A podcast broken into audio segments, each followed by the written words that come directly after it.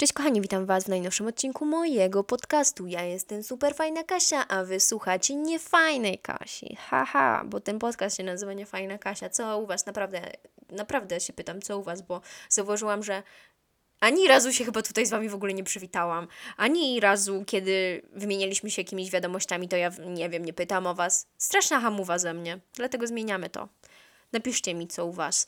Może zrobię jakąś ankietę na Instagramie? Może zrobimy jakiś czat? Dobra, pomyślę o tym później. Teraz przejdziemy do odcinka. Skoro już tak się o Was tutaj troszczę, troszczę się też o naszą relację. Relację między mną a Wami, moimi słuchaczami. Chcę, żeby ta relacja była fajna, chcę, żeby ta relacja była zdrowa.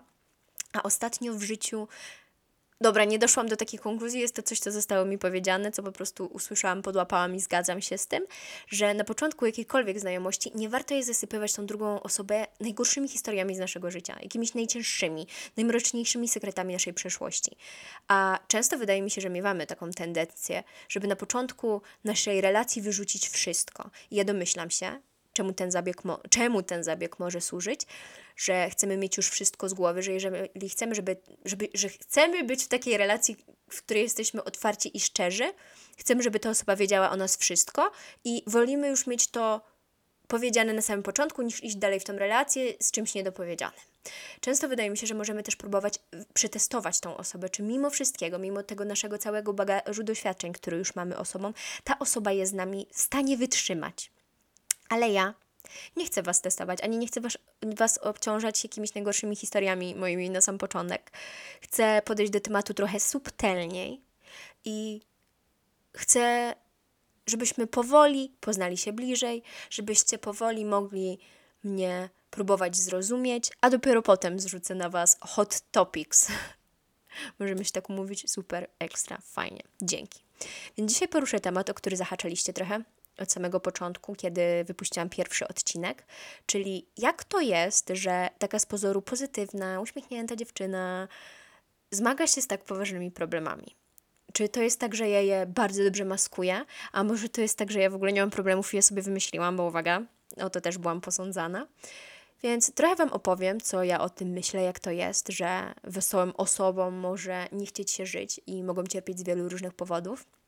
A może tak naprawdę to sobie wcale nie są takie wesołe, tylko zakładają maskę.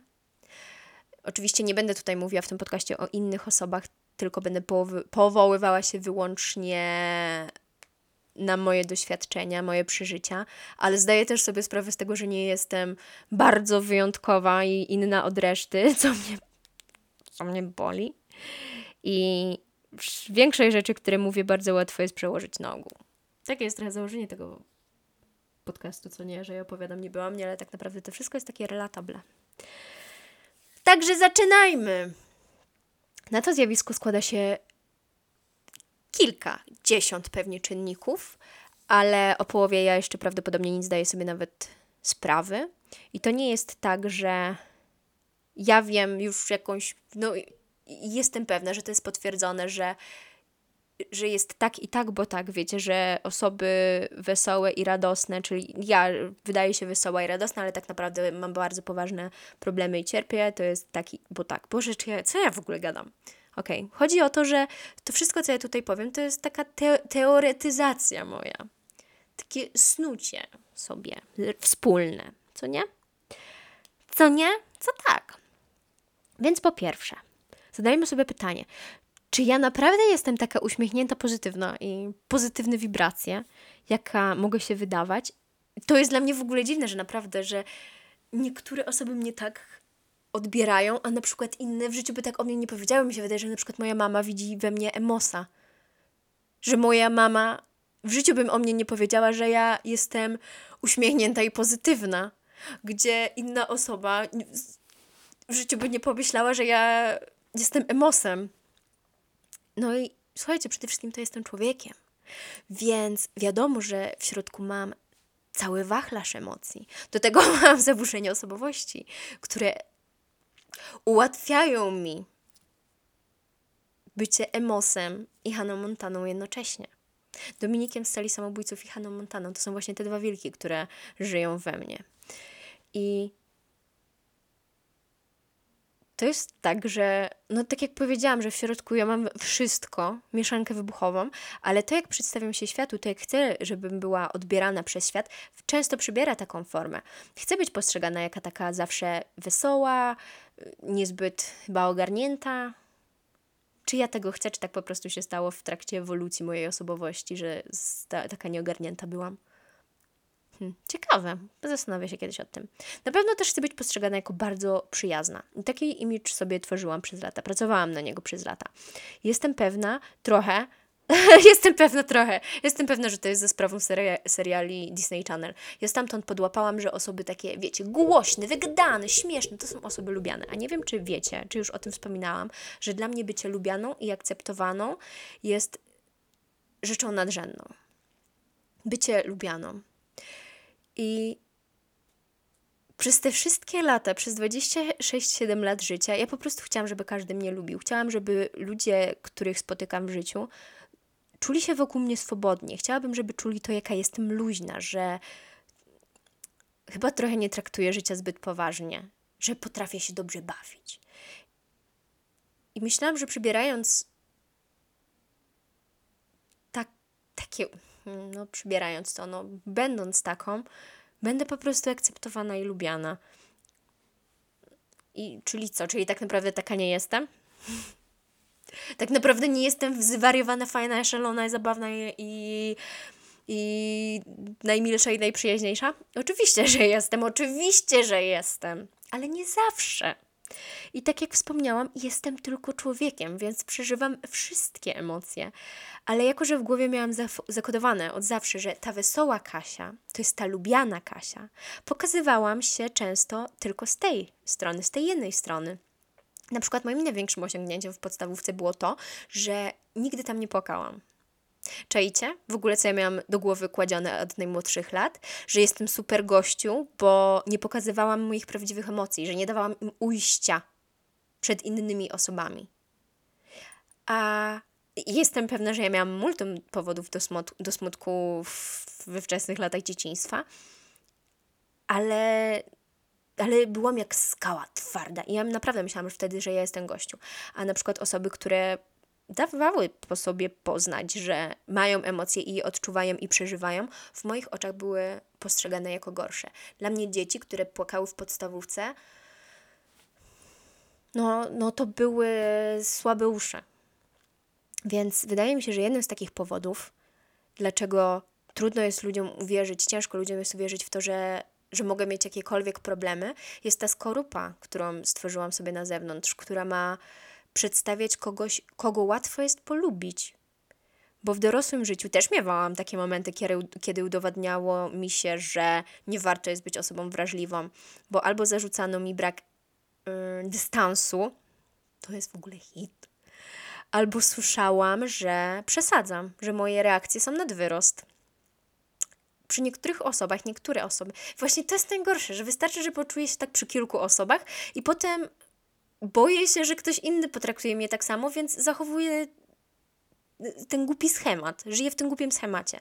Więc przyjęłam taką postawę w większości moich relacji. Nie dawałam sobie przestrzeni na to, żeby czuć smutek i złość, bo bałam się, że ktoś może mieć mnie przez to dość. Bałam się, że mój smutek, moja złość, moje jakieś niefajne emocje zazdrość też często, że one mogą kogoś przytłaczać, że, że ktoś może się ode mnie odwrócić. I wiecie, to nie jest takie, że ja się boję, że kto będzie kogoś przytłaczać, bo się martwię o niego. Nie, ja się właśnie boję, że będzie go to przytłaczać, czego rezultatem będzie opuszczenie mnie przez tą osobę. No. W ogóle jak mówię o tym temacie, czyli o wesołych osobach i, i depresji to jedną z pierwszych rzeczy, którą przychodzi mi do głowy, są demotywatory z 2014 roku, kiedy umarł Robin Williams. Kojarzycie te demotywatory z jego twarzą i, i z napisem, że, że najszczęśliwsi ludzie najczęściej mają najgorsze bitwy. I wydaje mi się, że tamten moment śmierci y, Robina Williamsa był trochę przełomowy dla psychologii, bo to chyba wtedy właśnie ludzie zaczęli zdawać sobie sprawę, że depresja czy inne w ogóle choroby psychiczne często mają twarz uśmiechniętego człowieka. Ja nie wiem, mi jest jakoś ciężko o tym mówić, bo dla mnie to już jest. To jest groteskowe. Dla mnie te już chcę powiedzieć memy, ale to nie są memy, co. Wiecie o co chodzi.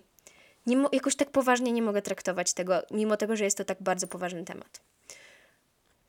I wydaje mi się, że wtedy, w tamtym czasie, od tamtego czasu, też zaczęło panować jakieś takie przekonanie. To jest moja teoria, teraz to, co mówię. Nie wiem, czy tak jest naprawdę, ale mi się tak wydaje, że pojawiło się takie przekonanie, że osoby, które naprawdę cierpią, to my nigdy tych osób nie będziemy o to podejrzewać. Że dopiero potem, kiedy już na przykład dojdzie do tragedii, czy albo już no, wyjdzie na jaw, że ta osoba miała problemy psychiczne, czy ma problemy psychiczne, to jesteśmy w ciężkim szoku. Bo zaczęliśmy żyć w jakimś przekonaniu, że te choroby postępują w samotności i w zamaskowaniu. Natomiast, kiedy osoba. O Jezu, też mam mikrofon. Kiedy osoby otwarcie mówią o tym, że mają problemy o podłożu psychicznym, nazywane są atencjuszami.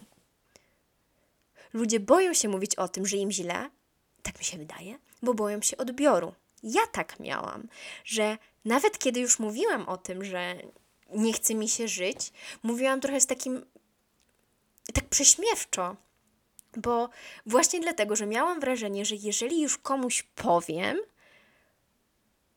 to będzie to odebrane jako jakiś kolejny, kolejny z powodów, żeby, kolejny z powodów, kolejny sposób na zwrócenie na siebie uwagi. Bo jestem atencjuszką, to jest jedna rzecz, ale życiu nie wykorzystałabym chorób do zwrócenia na siebie uwagi.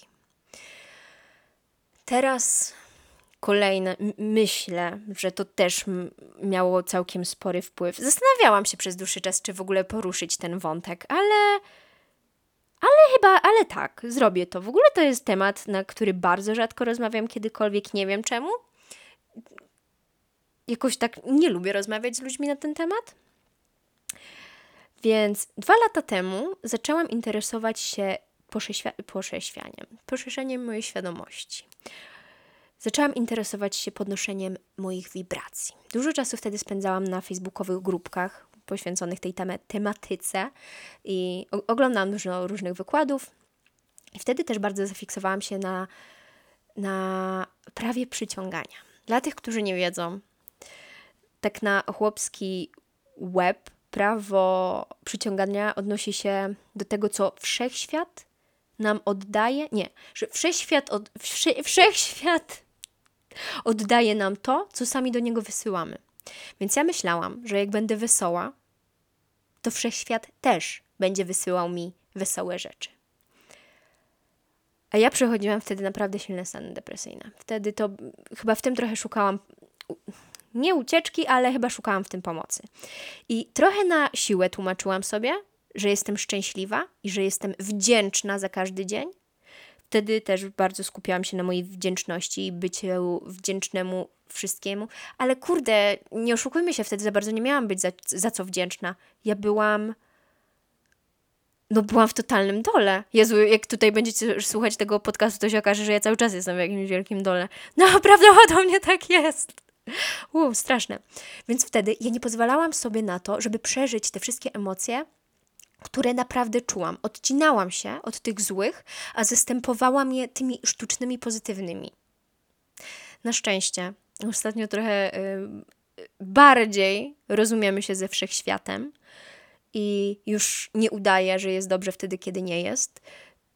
Staram się być wdzięczna, tak? Nawet kiedy mam jakieś złe momenty i i co? Mam po prostu, kiedy mam złe momenty, mm, bo wiem, że też z nich wyciągam jakieś lekcje, ale kurwa, przepraszam, kurde, bądźmy szczerzy, że ta mądrość o tych wyciąganiu tych lekcji, z tych mądrości wszechświata, to przychodzi do mnie już po, po czasie.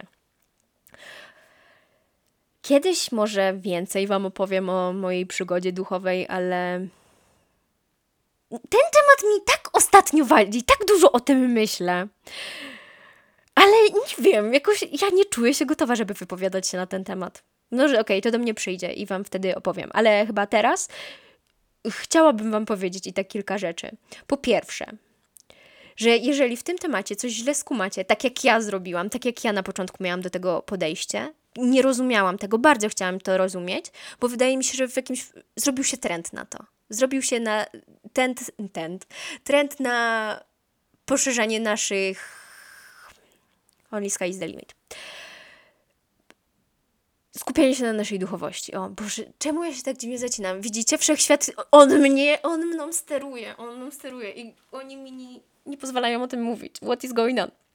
Więc jeszcze raz, jeżeli wy coś źle skumacie, jeżeli do końca czegoś nie zrozumiecie, to możecie ponieść naprawdę ciężkie tego konsekwencje. I kolejna moja rada to nie słuchajcie się tych ludzi na facebookowych grupkach. A, a, a, i to, że ci ludzie yy, w tych grupkach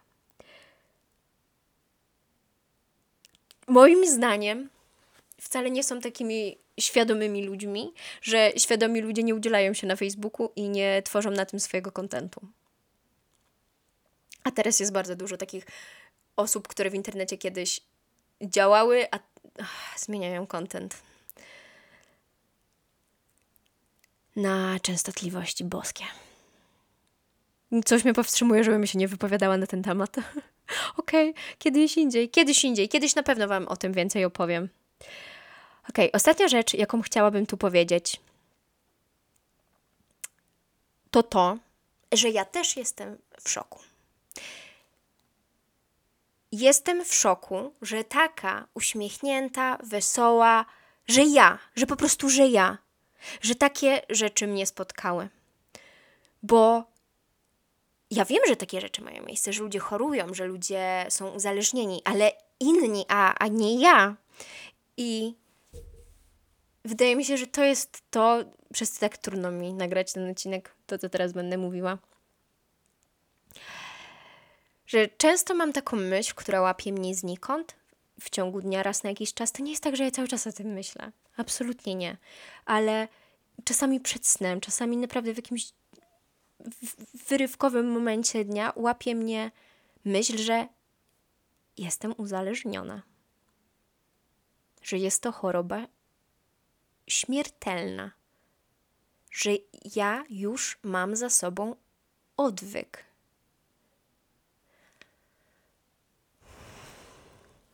Ale tak, moi drodzy, są to choroby jak choroby i znaczy nie, zaburzenia osobowości nie są chorobami.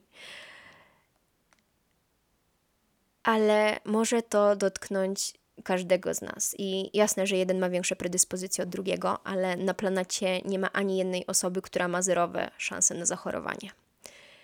I czasami wydaje mi się, że ciężko było mówić mi o tym, że cierpię, bo wydawało mi się, że w porównaniu z innymi ludźmi cierpiącymi, ja wcale nie mam aż tak źle, że ja tak naprawdę nie mam powodu do cierpienia, że ja nie mam na co narzekać. I to jest trochę przykre, ale na terapii uzależnień często było mi to wytykane przez innych pacjentów, że o co mi w ogóle chodzi, że wydawałoby się, że mam wszystko, że że jestem w dużo lepszej sytuacji niż większość z nich. Chyba właściwie to każdy z nich, a mimo to ja i tak jestem nieszczęśliwa. I ja, ja wiem, czego mi brakowało, ja wiem, czego mi brakuje nadal, i to jest najważniejsze. Teraz wiem, że ja mam prawo, żeby chorować, ja mam prawo do tego, żeby czuć się źle. Ja nie muszę tego nikomu już udowadniać. I nie muszę wymieniać powodów. Najważniejsze, że ja zdaję sobie sprawę z tego, akceptuję to i dalej idę sobie przez życie, starając się to rozumieć. No i przede wszystkim pracować z tym. To nie tak, że ja wiem, że mam problemy, mam i, i ciężko nad tym pracuję. A to, czy ktoś mi powie, że wystarczyłoby zająć sobie czymś głowę, albo przestać wymyślać, to jest tylko czyjaś opinia. Boląca, boląca, tak się mówi, przykra dla mnie, ale to jest tylko czyjaś opinia. Więc tak, kochani, jestem the most epic, najśmieszniejszą, najws... osobą, ale czasami też czuję się bardzo samotna, czuję się bardzo niezrozumiana, czuję się niepotrzebna. I to, że na pierwszy rzut oka może wydawać się, że mam wszystko, to nie znaczy, że ja w środku mogę nie czuć, że tak naprawdę nie mam niczego. Więc tak jak powiedziałam na początku, nie jestem wyjątkowa i bardzo przykro mi myśleć o tym, że inni ludzie też tak mają.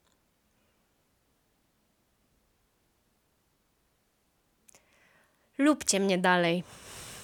Do usłyszenia.